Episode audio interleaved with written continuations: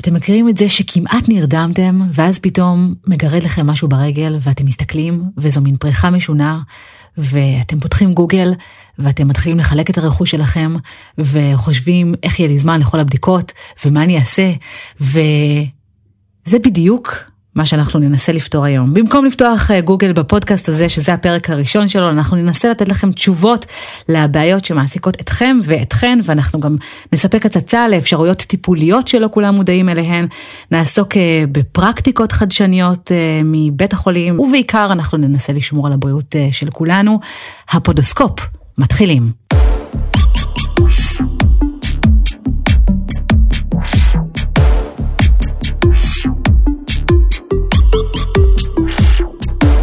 אז שלום וברוכים הבאים לפודוסקופ, פודקאסט הבריאות מבית שיבא תל השומר, אני הילה קורח. בפרק היום אנחנו נעסוק במחלה שכיחה ביותר שמעסיקה רבים מאיתנו, מחלת ההשמנה. אנחנו נדבר על הסיכונים והטיפולים האפשריים גם היום וגם בעתיד. לפני שנתחיל נזכיר שלפודקאסט הזה אפשר להאזין ב iTunes, באנדרואיד ובכל האפליקציות הייעודיות, רק חפשו הפודוסקופ והירשמו, עשו subscribe. בואו נתחיל.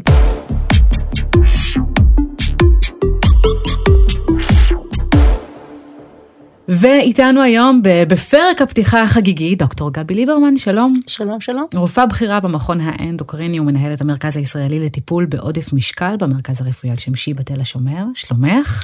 מצוין, תודה. אולי נניח קודם תשתית? מצוין. השמנה. כן. מי נחשב שמן? כן. להשמנה יש אה, הגדרה אה, שנהוג להשתמש בה, היא לא הגדרה מושלמת, אבל זאת ההגדרה שאנחנו נוהגים להשתמש בה בגלל פשטותה, אה, והיא הגדרה של BMI, Body Mass Index, לוקחים ושוקלים את האדם ומחלקים את משקלו בקילוגרם, לגובהו במטרים בריבוע, ומתקבל מספר.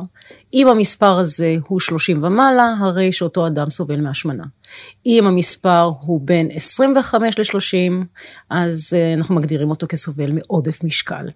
ויש אה, הרבה מאוד ביקורת על ההגדרה הזו, בין השאר אה, בגלל צורת הגוף וחלוקת השומנים, נכון, ועצמות כבדות. לצורך העניין, אתלט שרירי ביותר יכול להיות לו אותו BMI כמו אדם עם השמנה, והאחד יהיה מאוד בריא והשני בריא הרבה פחות. אז עד כמה מתייחסים לזה בקליניקה? אה, מתייחסים לזה מאוד, קודם כל כל הקריטריונים שלנו לטיפול אה, תרופתי, לטיפול אה, ניתוחים, עדיין הגדרות שנשענות על BMI, mm-hmm. אבל אנחנו מתייחסים לזה with a grain of salt כמו שאומרים באנגלית, ולוקחים בחשבון שזה לא הפרמטר היחיד, מסתכלים איפה השומן מצטבר, מתייחסים אחרת להשמנה בטנית מאשר להשמנת ירחיים, כך ש... זה לא, זה לא הפרמטר ה... זה לא הפרמטר היחיד. אם ניכנס לעולם האקטואליה, היה עכשיו אה, ויכוח אה, גדול על אם להגדיר את ההשמנה עצמה כמחלה או לא. מה עמדתך? ואני אשמח אם גם תציגי את שני הצדדים כמובן. כן. קודם כל, מה זה מחלה בכלל? מחלה זה כשהאיברים של הגוף אה, לא מתפקדים בצורה מיטבית, דבר שיכול אה, לגרום אה, לירידה בתוחלת החיים ובאיכותם. מהבחינה הזאת אני חושבת שהשמנה לחלוטין עולה להגדרה של מחלה. השמנה לא רק גוררת אחריה הרבה מאוד מחלות נוספות, כמו סכרת, יתר לחץ דם, הפרעות בשומני הדם, מחלה מחלת אה, לב, אה, אירועים אה, מוחיים, שחמת של הכבד ותחלואה. אפילו החלמה ממחלות שלא קשורות, ל... שלא קשורות להשמנה. נכון. נעשית קשה יותר. נכון, נכון, נכון. אז מהבחינה הזאת, יש כאלה שאומרים, היא גורם סיכון למחלה, היא לא מחלה בפני עצמה. אבל היום יודעים כמה דברים. מעבר לסינדרומים המולדים שהם מביאים עימם בעיה שמתחילה בהשמנה עצמה, בגלל חוסר ויסות של התיאבון וכן הלאה. אם מסתכלים היום על רקמת השומן של אה, האדם השמן, אה, ומשווים אותה לרקמת שומן של אדם לא שמן, הרקמות האלה נראות אחרת, יש בהם יותר אה, תהליכים דלקתיים, תהליכים דלקתיים האלה גורמים כשלעצמם לטינגודת לאינסולין ותשתית להתפתחות של סכרת. זאת אומרת, את יכולה היום להסתכל על רקמת שומן ולדעת שרקמת השומן הזאת נלקחה מאדם שסובל מהשמנת יתר. זאת אומרת, היא כשלעצמה כבר מצב של אה, חולי, רקמת שומן לא בריאה. אז למה לא בוחנים את זה, נגיד, בכל מה שקשור להשמנה, לא בוחנים את זה במובן של אחוזי שומן? למה BMI? אמ, למה לא, תראי, א', כשמדברים על BMI מאוד גבוה, מאוד נדיר שה-BMI יהיה מאוד גבוה ואחוזי השומן יהיו כן, יחד. כן, יהיה רק שריר. אז mm-hmm. יותר קל למדוד BMI, אתה מודד משקל וגובה, זה משהו שכל רופא יכול לעשות, זה לוקח בדיוק דקה. כן. וכמו שאני תמיד אומרת, זו המחלה שאולי הכי קל לאבחן אותה, כן, מאבחנים אותה בהסתכלות, mm-hmm. צריך אה, להשתמש ביותר מדי אה, אה, מכשור. אמ, אבל אה, מעבר לדבר הזה, אה, השמנה, אה, מעבר לאחוזי השומן שלה, זה גם איכות השומן, זה גם איפה מתמקם השומן, כן? אמ, אם השומן בוחר להתמקם מסביב לכבד, הוא מסכן את הכבד בשחמת, וכבד שומני, אנחנו רואים אותו גם אה, בהשמנות אה, אה, מסוגים שונים. בקיצור, כן. הנושא הוא מורכב, וזה, ה-BMI הוא כלי פשטני, פשוט וקל לשימוש, לרוב עובד, אבל לא בצורה מושלמת. אני בכל זאת מתעכבת איתך על העניין הרעיוני יותר, כי אני חושבת שהרבה ממאזיננו עכשיו שומעים וישר אה, מתחילה מין התנגדות כזו. אה, הרבה מאוד אנשים עם אה, בעיית משקל אומרים שכשהם מגיעים לרופא, גם עם שיעול, מיד תולים את העניין בהשמנת היתר שלהם, וקודם כל מדברים על המשקל שלהם. אז עד, עד כמה זה רע? להיות שמן, ועד כמה ההגדרה של להפוך את זה למחלה, הופכת את זה למשהו פסיבי. את מבינה למה אני מתכוונת? אני מבינה לחלוטין, וזה מוזר שאת מציגה את זה ככה, כי אני חשבתי שזה בדיוק הפוך. הרבה אנשים מתלוננים שהם באים לרופא, מבקשים אה, מזור להשמנה שלהם, או לפחות שהנושא יעלה על הפרק, והרופא מסרב לטפל בזה, מסרב להתייחס לזה, אה, לא חושב בעצמו שזאת מחלה, ואם הוא לא מאמין שזאת מחלה, אז ודאי שהוא אה, לא יוכל אה, לעזור להם אה, לא, לטפל. לא, כי הגדרה של מחלה, לפעמים, מחלה הרי זה משהו שקורה לך, זה משהו שאתה נדבק בו, זה משהו שלא לא אתה גורם לזה באופן אה, אה, פעיל, לפחות בתפיסה הכללית של מחלות. קודם כל, אה, יש מחלות אה, מולדות. אה, ואני חושבת שהשמנה באמת, מאחר והמרכיב הגנטי בה הוא מאוד גדול, היא כזאת. Mm-hmm. היא, היא מחלה, לא תמיד היא, היא באה לידי ביטוי בילדות, אבל התנאים להיווצרות השמנה במקרים רבים אה, מתחילים כבר אה, אה, בילדות. אני לא חושבת שזה משהו שהאדם גורם לעצמו. אני חושבת שיש המון סטיגמה בנושא של השמנה. אה, כל הנושא של תיאבון, אה, זה נושא שמבוסת על ידי הורמונים שמופרשים, ויש אה, גנטיקה שלמה וסבוכה אה, מאחורי ההורמונים האלה, אה, שהם לחלוטין לא בחירה של אותו אה, אדם. זאת אומרת, הגנטיקה בהחלט מהווה פה אה, פקטור מאוד מאוד חשוב. יש המון סטיגמה סביב השמנה, זה נתפס כאיזה משהו שהאדם בוחר בו, עושה אותו לעצמו, ולכן גם יכול להתגבר עליו לבד. על אף שה drive לאכילה אה, הוא drive חזק מאוד. אה, ש... התמכרות לכל דבר ועניין. אה, יש בזה לפעמים גם אלמנטים התמכרותיים. אכילה רגשית.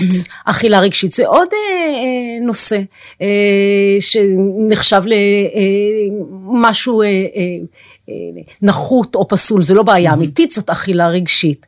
אה, אם אה, בן אדם... אני מכירה אגב מעט מאוד אנשים שלא סובלים מבעיה של אכילה רגשית. זאת אומרת, על כל אחד זה משפיע שונה מבחינת כן. משקל, אבל אה, ככה מלמדים אותנו, נכון? נפלנו, קיבלנו מכה, בוא ילד, תיקח סוכריה, הנה. נכון, אני חושבת שדרייבס מאוד בסיסיים, כמו שינה, כמו אכילה... אורח חיים.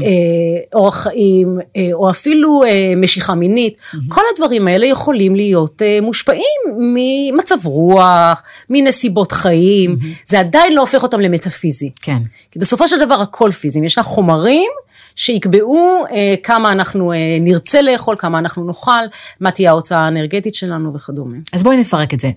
למה קורית השמנה? למה אנחנו משמינים? כן, uh, למעשה ההשמנה קורית כשהאנרגיה שנכנסת uh, לגוף עולה על האנרגיה שיוצאת אה, מהגוף. אה, זה פשוט אה, ככה. אם אנחנו היינו אוכלים בדיוק את הכמות שאנחנו שורפים, אז המשקל היה נשאר סטטי. ואז באמת נשאלת השאלה, למה ברגע מסוים בחיים יש אה, אה, איזושהי עלייה באנרגיה הנכנסת אה, שלא עוד נמצאת במתאם עם האנרגיה היוצאת. ולכך יכולות להיות כל מיני סיבות. יש עלייה במשקל שקורית בגיל ההתבגרות הרבה פעמים אה, סביב שינויים הורמונליים. לא פחות משמעותי זה השינוי בקצב חילוף החומרים שקורה עם סיום המחזור לנשים בסוף גיל הפוריות. אה, דברים אה, נוספים. יש עוד איזה פרק כזה, איפשהו בגיל 24, אני בטוחה שמשהו משתנה, אני בטוחה בזה במאה אחוז. לא, לא בדקתי את זה מחקרית, אבל כן. כן. הריונות? הריונות, זו תקופה שנשים עולות בהם במשקל. אה, כשיש פרדיספוזיציה גנטית, אה, היא לבד הרבה פעמים לא גורמת להשמנה, אבל השילוב של אותה פרדיספוזיציה גנטית עם הסביבה, שהיא סביבה באמת אה, יושבנית, כן? Mm-hmm. אנשים עושים הרבה דברים בישיבה. הרבה פעמים כשלוקחים את הסיפור של השמנה, שאנשים מספרים אותו לעצמם, אומרים, הכל היה בסדר עד שנפצעתי, mm-hmm. עד שהפסקתי לשחק כדורגל, עד שהתחתנתי, כן? יש כל מיני נסיבות חיים שמשתנות, אבל כשהן יושבות על הגנטיקה המתאימה, יכולה, יכולים ביחד לגרום להשמנה להתפתח. אוקיי. Okay. אובחנתי כסובל או סובלת מהשמנת יתר, מה אני יכול לעשות? אמ, קודם כל, אמ, בשביל לטפל בהשמנה צריך אה, ראשית לעשות איזשהו שינוי באורחות חיים, ואני לא יודעת איך לומר את זה מבלי שאנשים יגידו, ב, יגלגלו בעיניהם ויגידו, טוב, נו, תגידי משהו שעוד לא שמענו. כן. אבל הסיבה שאני מתעכבת על זה שוב ושוב, זה שפשוט לא ניתן לרדת במשקל אם לא עושים איזשהו צעד בכיוון של שינוי אורחות החיים. וחבל. מאחר, נכון, מאחר וההתנהגות, אני אומרת ההתנהגות לעולם תנצח. ההתנהגות, יש לה כוח כל כך חזק, כי הדרייב של האדם לאכול מבחינה הישרדותית, כן, תכנתו אותנו ככה, הוא כל כך חזק שהוא יגבר על כל התרופות והוא יגבר על כל הניתוחים, ולכן צריך לעשות איזשהו מהלך מודע, לשנות את צורת האכילה ולהעלות את, את כמות הפעילות הגופנית. על גבי תשתית כזו אפשר לבוא ולהציע טיפולים נוספים. טיפולים שחלקם הם התנהגותיים נוספים וחלקם הם תרופתיים וחלקם הם פרוצדורות וחלקם מגיעים בסופו של דבר לפרוצדורות שהן ניתוחיות.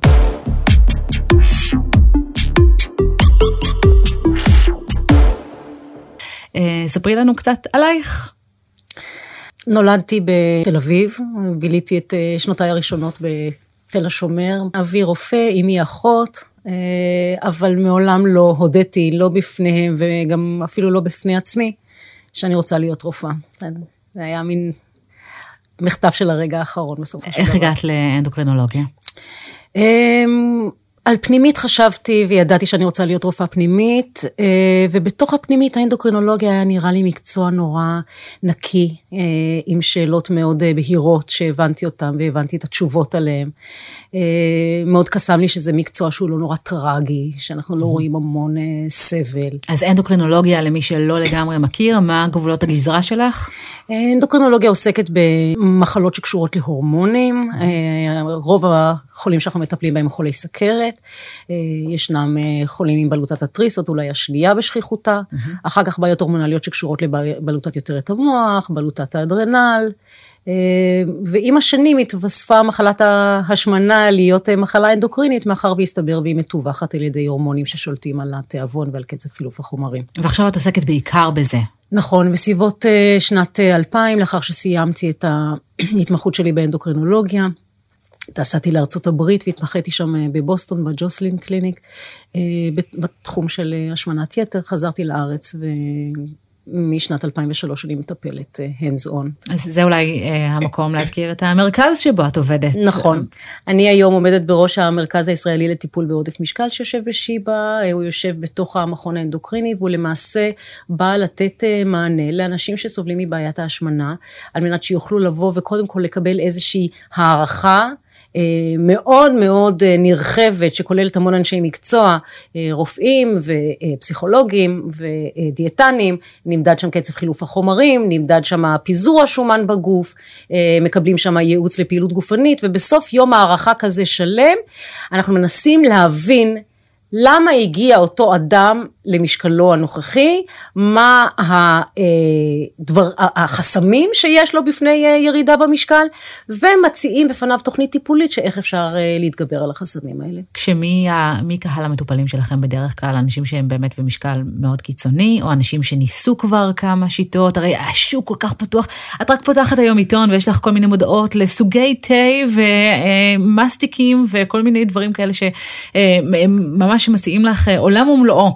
אה, פתרון קסם. זה נכון, אה, מכיוון שהשמנה בארץ היא אה, מאוד שכיחה, רבע מהאוכלוסייה הבוגרת סובלת מהשמנת יתר בארץ, אנחנו רואים למעשה את כל הספקטרום, אנשים שמשמינים מסיבות שונות, באופנים שונים, חלקם זה מביא איתו יותר תחלואה, חלקם פחות, חלקם עשו המון ניסיונות, חלקם לא עשו אף ניסיון, חלקם נשלחו על ידי הרופאים שלהם אה, לפני פרוצדורות מסוימות, אנחנו לא ננתח לך את הברכיים עד שלא תרד במשקל. Mm-hmm. אנחנו מקבלים למעשה את כל הספקטרום, הרבה מאוד הפניות מרופאים ממכון הלב, כאלה שמקבלים את האדם החולה ומבינים שחלק מהתחלואה שלו יושבת על הנושא הזה. אני שואלת כי זה, זה נשמע לי על פניו מקום שאליו מגיעים גם הרציניים שברציניים, בדרך כלל מרכז בתוך בית חולים שמבצע כזאת הערכה מקיפה, אה, עד כמה מאזיננו ששומעים עכשיו, ווואלה, אה, אפילו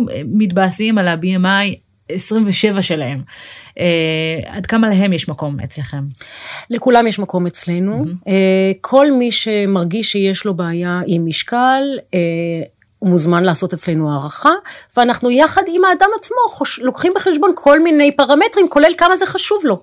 אם יש, אה, בעיניי אין מוטיבציה אה, שלילית. לפעמים אה, יש רופאים שמגיבים נורא לא טוב, שבא איזה גברת או אדון שרוצים לרדת כמה קילוגרם לפני חתונת הבן או הבת, ואומרים, זה לא רפואה, זה קוסמטיקה. Mm-hmm. אני אומרת, אם יש בעיה של השמנה, ולבן אדם יש מוטיבציה לרדת במשקל, אין מוטיבציה שלילית, אנחנו נתחיל עם המוטיבציה שיש לו, שהיא מוטיבציה חזקה, קרוב לוודאי תעזור לו, וננסה לאורך המסלול לגרום לו לרצות להישאר במשקל הנמוך. מה קווי הטיפול? אם בכלל יש קווי טיפול, אני מניחה שכל אחד אה, והשיטות אה, ש, שעובדות עליו, אבל אה, איך בדרך כלל נראית שיטת הפעולה?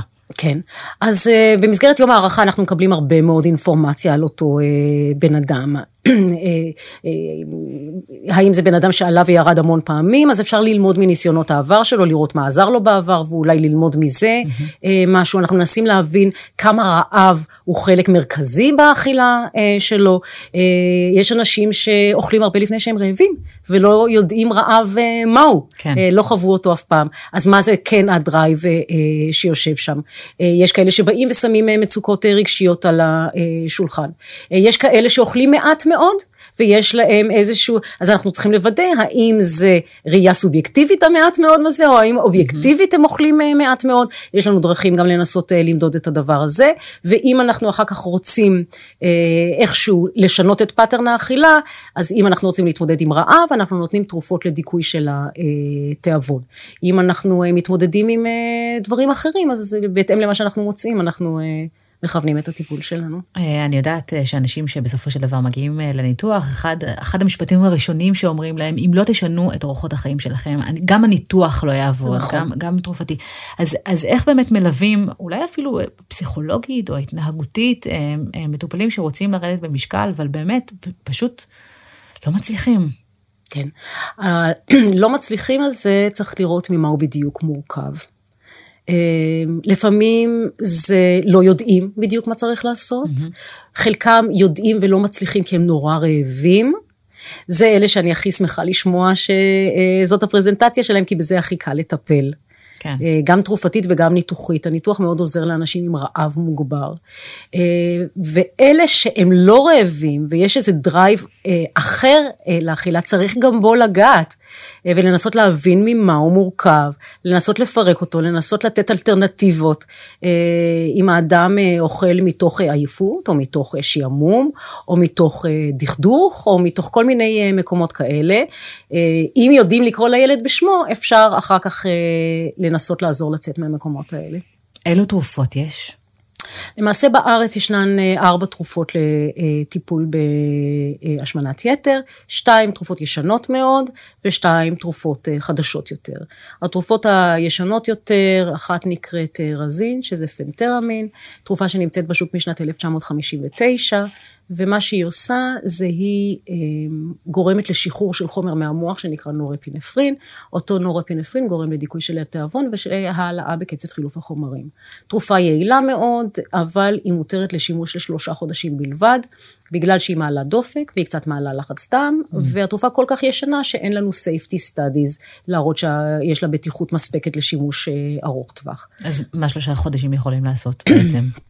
אחרי uh, שלושה חודשים אפשר להעביר לתרופה אחרת, uh, mm-hmm. אם רוצים, וגם אני משתמשת בתרופה הזאת הרבה פעמים כאיזשהו proof of concept, ל- לשאול את אותו אדם האם הוא חושב שאם נוריד לו את התיאבון, הוא יוכל לתרגם את היותו פחות רעב להיותו פחות אוכל, ובסופו של דבר יורד במשקל, אנחנו עושים ניסיון. כי התרופה הזאת היא און-אוף, לוקחים אותה, היא די מהר עובדת, ופעם שהבן אדם אה, אה, מרגיש את החוויה הזאת של להיות פחות רעב ומסוגל לתרגם את זה למשהו אחר, אפשר לעבור לתרופה שנותנים אותה לאורך זמן. Mm-hmm.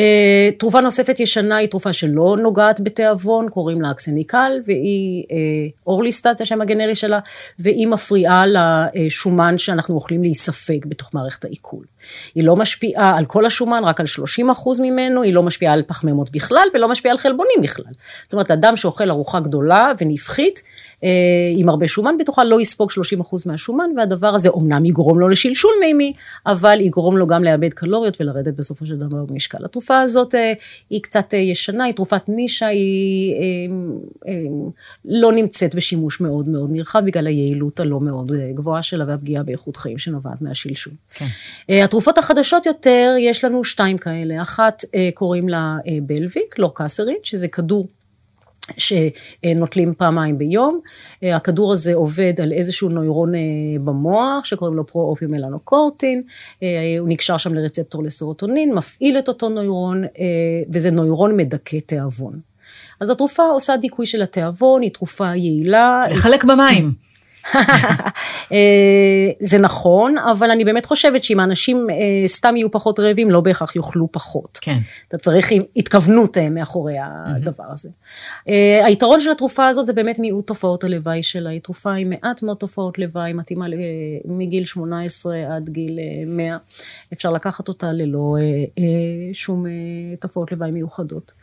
אה, והתרופה האחרונה היא אה, סקסנדה, שזה לירגלוטייד אה, במינון של שלושה מיליגרם, זה חומר שאנחנו מכירים אותו מעולם הטיפול בסכרת, זה חומר מעולם החומרים שנקראים GLP-1, גלוקגון לייק פפטייד 1, שהגוף מפריש אותם באופן טבעי, פה נותנים את החומרים האלה במינון פרמקולוגי, והתרופה הזאת עושה דיכוי של התיאבון די משמעותי. היא ניתנת בזריקה יומיומית. שהאדם צריך להזריק לעצמו, היא יכולה להיות כרוכה בבחילה.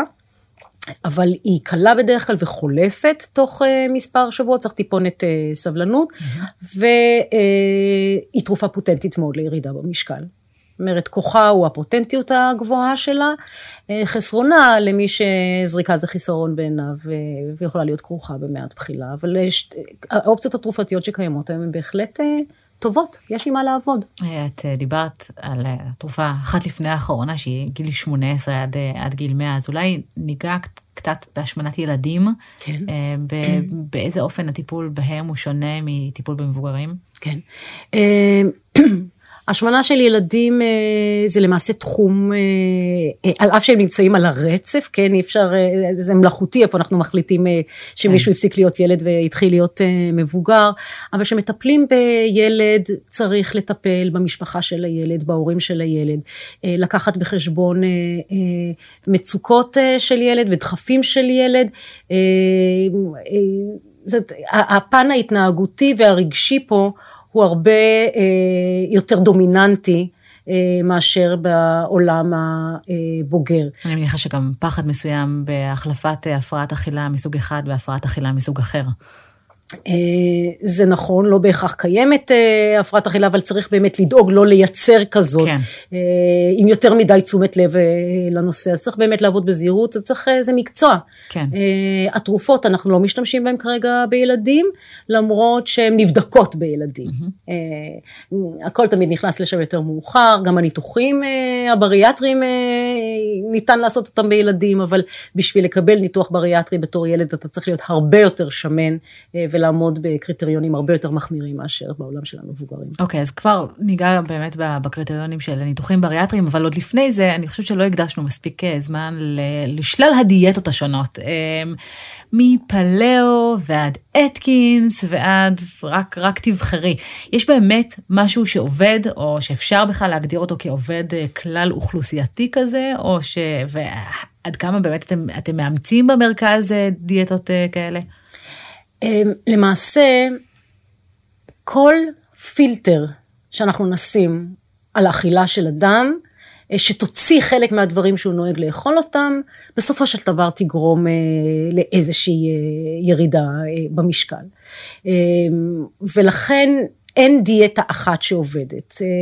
מתוך עבודות שפורסמו במהלך השנים האחרונות, הולך ומסתבר שהדיאטות שהן יחסית דלות בפחמימות, אה, לא נטולות פחמימות, אלא יחסית דלות יותר בפחמימות ונשענות יותר על אה, חלבונים, אה, שאחת הדוגמאות הטובות לזה זה הדיאטה הים תיכונית המומלצת שקיימת כן. במחוזותינו לרוב. זה דיאטה שקל מאוד לבצע אותה, היא כרוכה בדיכוי תיאבון תזונתי, זאת אכילה שמתבססת יותר על אה, חלבון, היא, היא אכילה מדכאת תיאבון אה, באופן אה, תזונתי, ומעבר לפוטנטיות שלה בירידה במשקל, היא גם אה, אה, עוזרת לשמר לאורך זמן, כי אפשר לנכס אותה כאיזשהו הרגל שניתן לעשות אותו לאורך זמן. אז אם אין לי שום מושג מי האדם אה, שלפניי אה, ואני רוצה לבחור באיזה משהו, אה, אני בדרך כלל אלך לכיוונים האלה, אבל אחר כך צריך לתפור את החליפה לפי מידותיו של אדם, לפי אהבותיו. יש למשל המון צמחונים. וטבעונים שצריך להתחשב בצרכים המיוחדים שלהם ואם לא ניתן להם זה ולא ניתן להם זה הם יישארו בלי שום דבר כן. לאכול.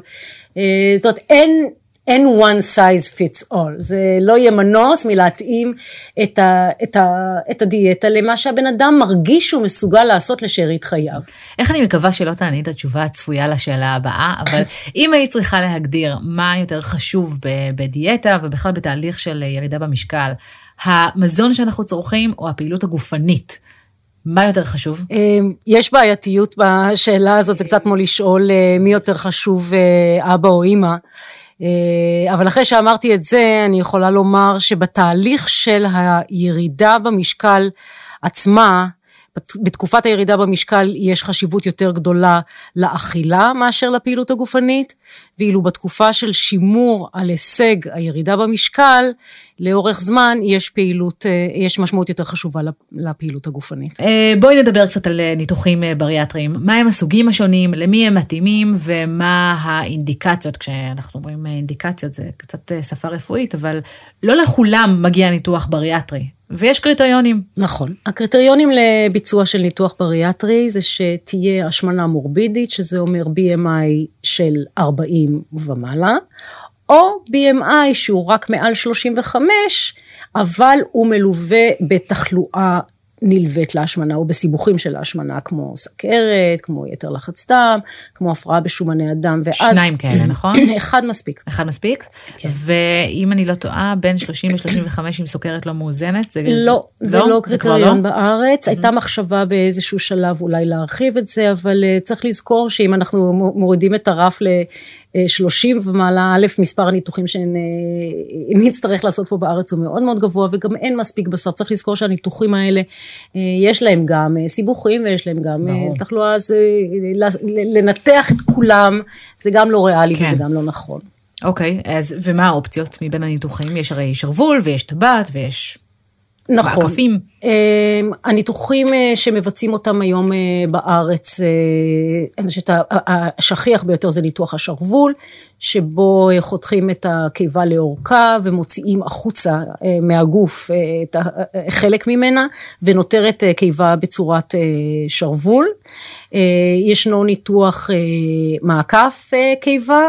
שבו חותכים את הקיבה ומחברים אותה, עושים איזו השקה שלה לחלק מרוחק במעיים והאוכל עושה איזה מין מסלול כזה שקופץ ומדלג מעל חלק מהמעיים ומגיע ישר לאזור יותר מרוחק. ישנו עכשיו ניתוח שזכה לפופולריות שקוראים לו מיני מעקף, שבו לוקחים איזושהי לולאת מעיים רוחקת ומקרבים אותה לפתח הקיבה ועושים מעקף בלי כל השפצור של ה-Roux-en-Y gastric bypass הקלאסי. ישנם ניתוחי תת ספיגה משמעותיים שמדלגים על רוב המעיים ויש את ניתוח הטבעת שהוא אמרתי אותו אחרון למרות שפעם הוא היה מאוד פופולרי בגלל שהיום השכיחות שלו הולכת ויורדת. עדיין עושים גם אני לא יודעת אם זה ניתוחים, אבל הבלון שנכנס לקיבה? בלון זה, כל התחום של הפרוצדורות הגסטרואינטסטינליות לטיפול והשמנה, שגם תופס תאוצה בשנים האחרונות, כל מיני דברים שעושים עם אנדוסקופ, עם אותו הצינור מצלמה של הגסטרוסקופיה, אפשר היום לעשות כל מיני פרוצדורות לירידה במשקל, אפשר להכניס בלון, אפשר למלא אותו במים, אפשר למלא אותו באוויר, אפשר לעשות היצרות אפילו של הקיבה עצמה באמצעות אותו אנדוסקופ, לעשות כאילו שרוול קיבה מבפנים ולא בניתוח חיצוני. אפשר לעשות צריבה של אזורים מסוימים שלא רוצים שיספג שם אוכל או שיפרשו מהם הורמונים, זאת אומרת התחום הזה היום הולך ו... מתפתח מאוד. עכשיו הסיבה שיש כל כך הרבה אפשרויות ניתוחיות, גם כי אפשר, והסיבה השנייה היא שלא כל ניתוח מתאים לכל אדם, נכון? את יכולה פחות או יותר, אני יודעת שזה נושא של קורס, שלא לומר התמחות שלמה, אבל את, את יכולה פחות או יותר להסביר מה מתאים למי? אני יכולה להגיד על כלל הטיפולים, ש... לא תמיד אנחנו יודעים מה אה, מתאים למי, אה, בתרופות אנחנו הרבה פעמים מנסים עד שאנחנו מוצאים את הדבר שמתאים הכי אה, למישהו. כן, אבל בתרופות אפשר לשחק בניתוחים, בניתוחים, הרבה מהם לא הפיכים. נכון, שזה בעיניי היתרון של הניתוחים. אה, המחלה היא לא הפיכה ולפיכך הטיפול במחלה צריך להיות משהו שהוא כן. נשאר אה, לתמיד. למרות שסיכויי ההצלחה אה, וההישנות של, השמנה, של השמנת היתר, מה הם? זאת הישנות השמנה אחרי ניתוח, כן. הם גבוהים. הם גבוהים. אז, כמה עשרות אחוזים אני לא...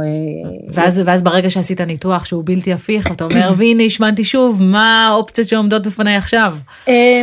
קודם כל, גם אם יש עלייה לאחר הניתוח, לא בהכרח תהיה עלייה למשקל שהיה לפני הניתוח, כן. לפעמים נעצרים קודם. Mm-hmm. חוץ מזה, הרווחת אי אילו שנים טובות, הרבה פעמים שהם נספרים, לא רק מבחינת איכות החיים והדברים שהצלחת לעשות, אלא גם מבחינת הזיכרון המטבולי. הגוף ראה במשך כמה שנים, משקל כן. תקין, סוכר תקין וכן הלאה.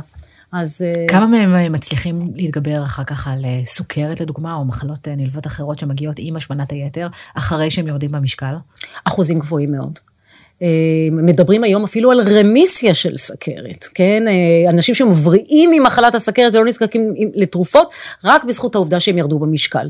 בשביל לעשות רמיסיה של סכרת כ-rule of thumb, כן? זה כמובן לא תופס לכולם, תלוי בחומרת הסכרת וכן הלאה, מדברים על ירידה של בין 10 ל-15 אחוז מהמשקל, mm-hmm.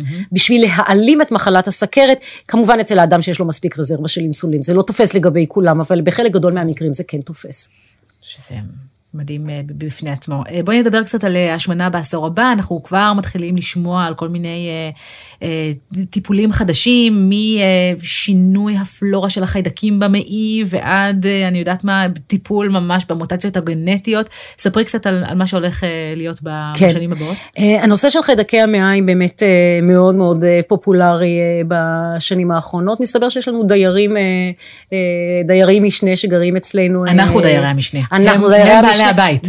בדיוק ככה, אם סופרים את מספר התאים שלנו לעומת מספר התאים שלהם, הם עולים עלינו בהרבה. המעי יש, יש בו חיידקים, והחיידקים האלה הם לא פסיביים, הם עושים כל מיני דברים, הם עושים כל מיני תהליכים, הם משפיעים על ספיגה של מזונות, ובסופו של דבר יכולים להשפיע על, על, על קצב חילוף החומרים שלנו, ועל תיאבון שלנו, ועל דברים רבים מאוד. אז בשנים האחרונות יש איזשהו ניסיון לגייס אותם לטובתנו.